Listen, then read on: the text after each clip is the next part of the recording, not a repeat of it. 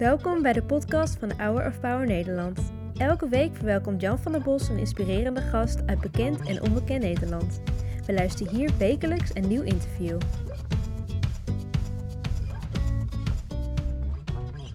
Dat was in een geweldig duet. Onze bekende zangeres Sarah Grand Prix en Connor Smith. En ze zongen Psalm 23, de lied van de herder. Als zegt Psalm 23, kun je één zinnetje herinneren. Ik ga gelijk al, je gaat gelijk al op de testbank. Ja, hoor, toch? De Heer is mijn herder, mij ontbreekt niks. Kijk, Hij zal mij geleiden door grazige weiden. hij voert mij als zachtkens aan water. Aan het water ter rust. Ja. ja. Ken ze wel, Ja, maar hij- niet uit het hoofd. Je krijgt een 10.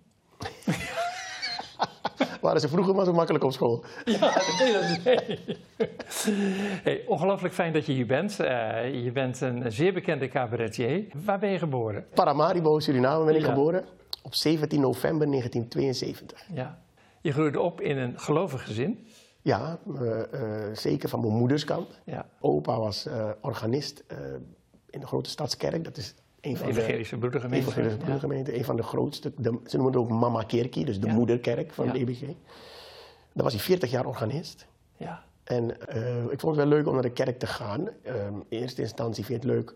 En je ging met je vriendjes naar Ja, met catechisatie vriendjes. en En dat, dat- in het begin eh, gingen we van, met de hele buurt naar de kerk. Toen we 18 waren, zijn we eh, de catechisatie gaan doen om beleidenis af te leggen. Dan ben je iets bewuster. Maar ook een beetje gestuurd door je moeder. Wordt het niet tijd dat je... En dat. en, eh, en dat was ook wel leuk. Want Ja. je ging dus samen één keer per week, twee uurtjes, Ja. eh, les volgen. Met al je vriendjes. Buiten schooltijd. Dat is Leuk joh. geen internet, geen Nee. games, niks. Dus je zocht altijd iets om buiten te doen. Ja. Op een gegeven moment eh verliet je Suriname voor enige tijd. Waarom? In eerste instantie ben ik hier gekomen, naar Nederland gekomen om te studeren. Ja. Ehm, maar ik had waarschijnlijk toen al door, ik ben geen student. Misschien kon ik het intellectueel wel aan. Maar om, student, om te studeren moet je student zijn. En waarschijnlijk had ik dat niet. Ik was te veel afgeleid. Misschien was het de voorbode om de artiest in mij. ja. Want wanneer ontdekte je de artiest in Roué? Pas veel later. Ja? Pas veel later. Want na onze studie zijn we teruggegaan naar Suriname. Ja. En ik was daar gewoon aan het werk.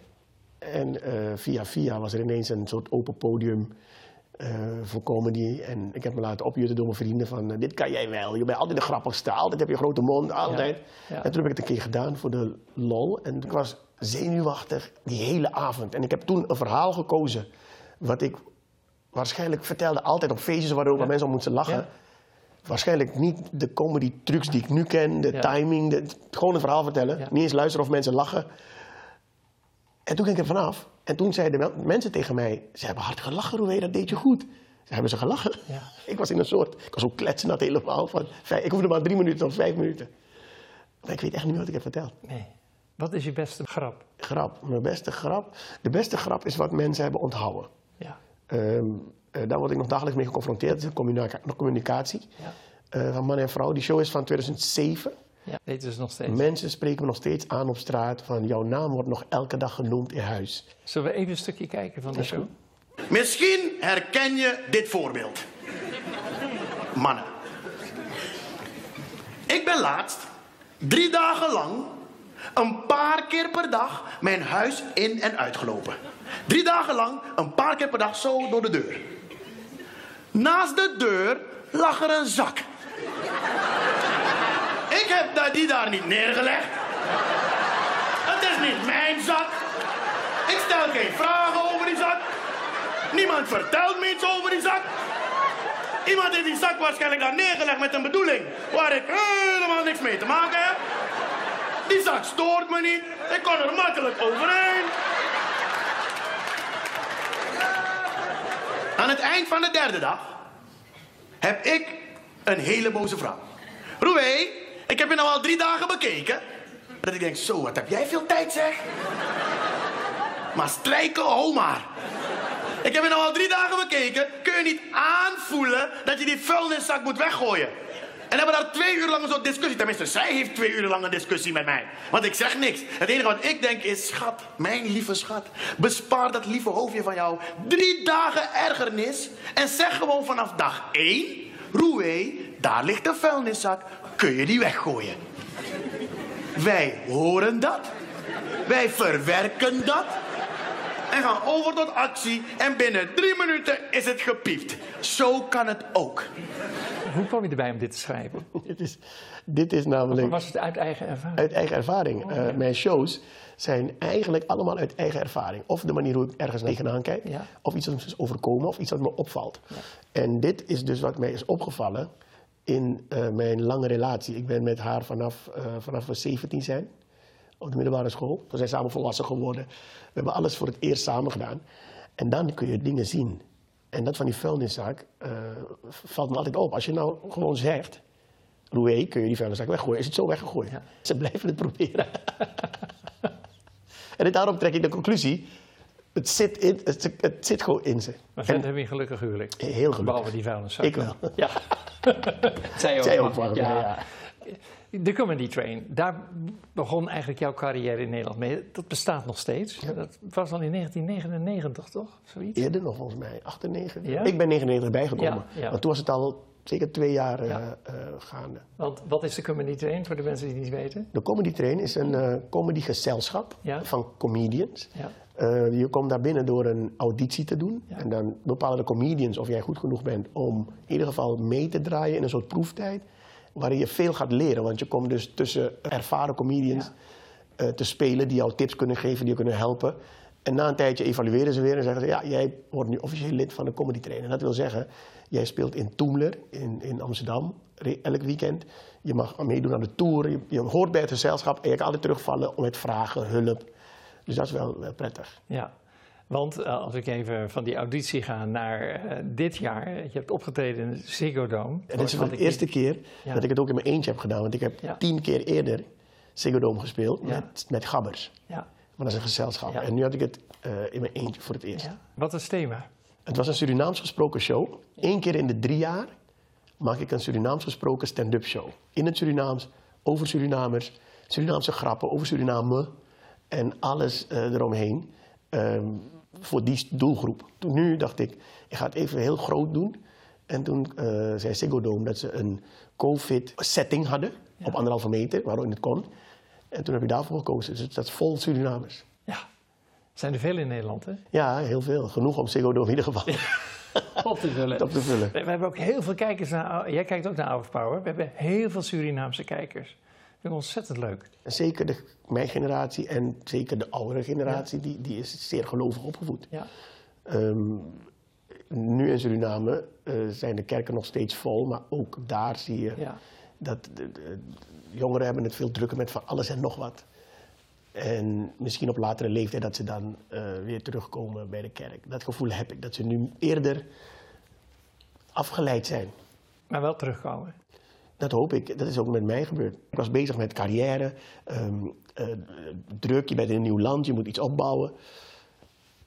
En eh, toen was de, de, de kerk was voor mij even... Als ik op vakantie was in Suriname, dan ging ik wel in die vakantie één keer naar de kerk waar ik altijd ging. Ja. Dus ik was niet afvallig, maar het was gewoon een nieuwe omgeving. Snel, Ja. dingen regelen, eh, even afgeleid. Nou ben je lid van de eh, Surinaamse kerk in eh, Amsterdam met een hele grappige titel. Wie Egi Kerkie? Wat betekent dat? Onze eigen Ja? kerk. Onze En- eigen kerk. En dat komt omdat we zaten eerst... Toen ik bij die kerk kwam, Ja. zaten ze in een, gemeenschap, een gemeenschappelijke ruimte. Ja, Dus dan moest je om één uur echt eruit, want dan- de volgende dienst stond al ja klaar. klaar. En in tien jaar hebben ze eh, elke week gespaard, gespaard, gespaard door donatie en giften en dingen georganiseerd. En toen hadden ze volgens mij een beginbedrag waardoor ze een hypotheek konden krijgen ja. om de kerk te bouwen. Dus het is gebouwd met een hypotheek, die dus afgelost moet worden. Maar daar werk jij aan mee door af en toe een show te geven en de opbrengst gaat naar de kerk. Ja, één keer per jaar eh, organiseer ik met eh comedyvrienden en echt grote namen ook. Op die ene avond eh, maak ik een line-up van Ja. vijf comedians en een zanger of een zangeres, doe ik altijd tussen. Ja. En dan doen ze het belangeloos, Ja. ik ook. En we 550 kaarten kunnen verkocht worden en dat gaat volledig de hypotheekpot in. Kijk, Eén keer per jaar doe ik dat. Daphne Bunskoek en eh Roé Verveer, die maken samen een programma over slavernij. Een beladen thema in Nederland. Waar ik merk heel veel Nederlanders moeite mee hebben. Die denken, joh, dat ligt achter ons, maar voor Surinaams ligt het niet zo. Ik heb altijd geroepen dat de grootste fout die Nederland heeft gemaakt, is om niet dat onderwerp uitgebreid te bespreken in de geschiedenisboeken. Dus mensen burgers worden nu geconfronteerd met iets waar ze eigenlijk niks van weten. Dus als jij iets zegt, zeggen ze maar waarom klaag je zo? Dus toen mij werd gevraagd, wil jij meewerken aan een uitgebreide documentaire voor de Nederlandse tv over slavernij, heb ik gezegd, ja, want ik kan niet roepen. De mensen zijn niet onderwezen en dan niet eraan meewerken als het kan. Ja. Eigenlijk hebben we het verhaal verteld, en zo goed mogelijk, over wat er precies is gebeurd. Hoe kun je zo'n verhaal zo goed mogelijk vertellen? Je moet informatie, kijk, we waren geen van alle dagen. Nee, nee. Dus wat je ook vertelt, Ja, wie het ook aan je vertelt nu, ja, heeft het ook van eh, vertellingen en, en geschreven berichten. En wie heeft het geschreven is ook belangrijk. Welke partij heeft het geschreven? Maar ondanks alles hebben we dan eh, eh, eh, historici en, en mensen die er zeggen weet van te hebben gesproken van hoe zij het weten. ja. Hebben we elkaar nu vergeven? Kunnen we opnieuw beginnen? Want het leeft nog wel diep bij een aantal Surinamers. Ik zeg altijd, ik kan niemand kwalijk nemen die daar niet is geweest zelf. We kunnen het wel over hebben. Ja, van dit is gebeurd en dan snap je iets mee- meer waar de ander vandaan komt. Als je de geschiedenis van de een kent, snap je waar sommigen ervan vandaan komen. En dat is waar het misgaat. Veel mensen kennen die geschiedenis niet, waardoor als wij eh, iets over zeggen, ja, maar het is toch al lang geleden, waar heb je het over? Terwijl als je weet wat er precies is gebeurd, dan kun je zeggen, ik ben nog steeds niet met je eens, maar ik snap wel waar dat vandaan komt. Dat is het enige. maar dan is er ook weer een brug die gebouwd wordt. Ja, precies. Bruggen bouwen, dat, dat ben je ook door eh, op het podium te staan en daar de cabaretier eh, te zijn. Hoe, hoe doe je dat nou? Ik probeer ook wel eens lollig te zijn, maar het lukt me nooit. is een goede vraag. Alleen ehm, soms lig ik in bed en dan, ik noem, ik heb plafondmomenten. Ik noem het een plafondmoment. Zo, ik word elke ochtend wakker, ik kijk naar het plafond en dan denk ik aan alles wat er gebeurt tegenwoordig in mijn leven. Wat er is gebeurd, hoe ik ben gekomen. Het geluk dat ik heb, dat ik mag zijn vandaag wie ik ben. En dat ik mensen om me heen heb die gezond zijn. En dit, dat zijn mijn plafondmomenten. Dat zijn mijn dankbare momenten voor wat ik heb. En wat ik heb gekregen en waarom ik het doe. En ehm, dan lig ik in bed denk ik, maar waarom vinden mensen mij zo grappig? Ik heb het antwoord niet. Eh, ik, soms verras ik mezelf ook. Daarom moet ik soms hard lachen als ik wat zeg. Veel mensen zeggen, je lacht om je eigen grap, maar het is niet mijn eigen grap. Ik hoor het ook voor het eerst. Wat ik bedoel? Dus als iemand wat zegt, ik geef zo snel antwoord, maar ik weet niet hoe het werkt. Ehm, heel vaak denk ik, echt waar? Ik heb er niet eens over nagedacht. Waar komt dat vandaan? Het was gelijk goed, goede timing. Ik weet het niet. Is de Bijbel grappig? De Bijbel? De Bijbel, of die ook grappig Ik kan heel veel grappen maken over de Bijbel. Ja? Maar dat is natuurlijk. stel je voor, Jezus zal nu hier zijn. Hoe zou hij het laatste avondmaal zo snel voor elkaar krijgen? We hebben het nu zo druk. Als je nu met vier go- goede vrienden op korte termijn een etentje wil plannen, krijg je het niet voor elkaar hoor binnen een dag. En dan moet je een datumprikker maken en dan kan die weer niet en die weer niet. En hij moest twaalf mensen in één dag bij elkaar krijgen. Hij was wel Jezus, hè? Dus daarom. Wat betekent hij voor jou? Jezus is dus de man die is gestorven om mij vrij te krijgen. Ik ben nu in een fase in mijn leven dat mijn geloof veranderd is in hoe ik vroeger geloofde. Eh, vroeger toen ik opgroeide geloofde ik letterlijk alles in de Bijbel. Dat wordt ook zo geleerd. Maar de boodschap die hij heeft gegeven, de boodschappen, die zijn heel belangrijk. In basis is het, eh, ik probeer een goed mens te zijn. Ik probeer eh, eh, voor de medemens goed te zijn. Ik bid. ik vraag om vergiffenis, ik vraag om hulp, ik vraag om kracht. Ja. En dat steunt me heel erg in mijn leven. Mijn geloof steunt mij in mijn leven. Roy, wat zou je tegen de kijkers van Out of Power en, en met name onze Surinaamse vrienden willen zeggen? Kijk maar even in de camera, en maak er, je mag er van mij een act van maken. Weet je wat ik soms doe? Als ik vrolijk wil zijn, zet ik gewoon een, een christelijk lied op. En ik luister naar de teksten. Mijn favoriet is Jezus, ik hou van u. En dat is niet alleen mijn favoriet, favoriet van mijn moeder. Dus als ik dat lied hoor, denk ik altijd aan mijn moeder en dan moet ik altijd wel een traantje lagen. Ze is nog niet dood, maar het brengt toch, ze woont in Suriname, ik zie het niet zo vaak.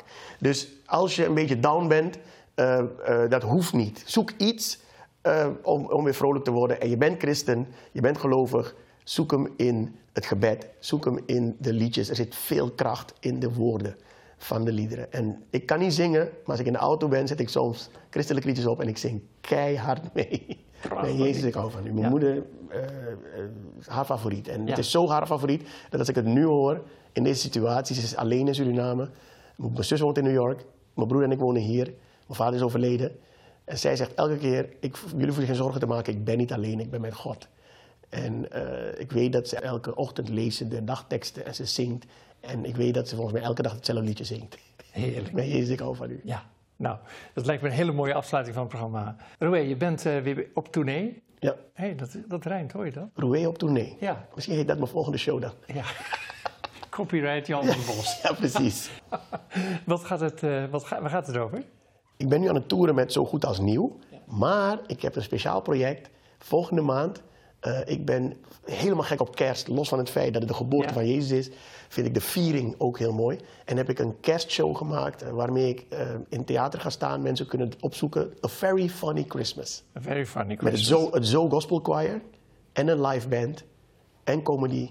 En ik beloof aan de mensen, ik zing zelf niet. Nodig me uit en ik kom langs. Is goed. Eh, ongelooflijk fijn dat je hier was. Eh, dat je midden in het leven kunt staan, dat je plezier kunt hebben en dat je ook weet, hé, hey, ik heb een basis en dat is mijn geloof. Een sterk geloof. Eh, dat heeft Bobby Schuler geschreven. Dagelijkse bemoediging voor je wandel met God. Ik geef het graag aan je. Dankjewel. Het is ook mooi die... eh, Ja, sterk, Sterk. leeuw, hè? Ja, toch? Ja, ja. Alleen heeft hij, Kracht. heeft hij wat meer haar. Ik had ooit ook weer veel haar hoor. Mensen die dat zo kaal ben geboren. Nou, met deze vrolijke noot eh, nemen we afscheid eh, van onze cabaretier en gaan we snel naar Shepherd Grove.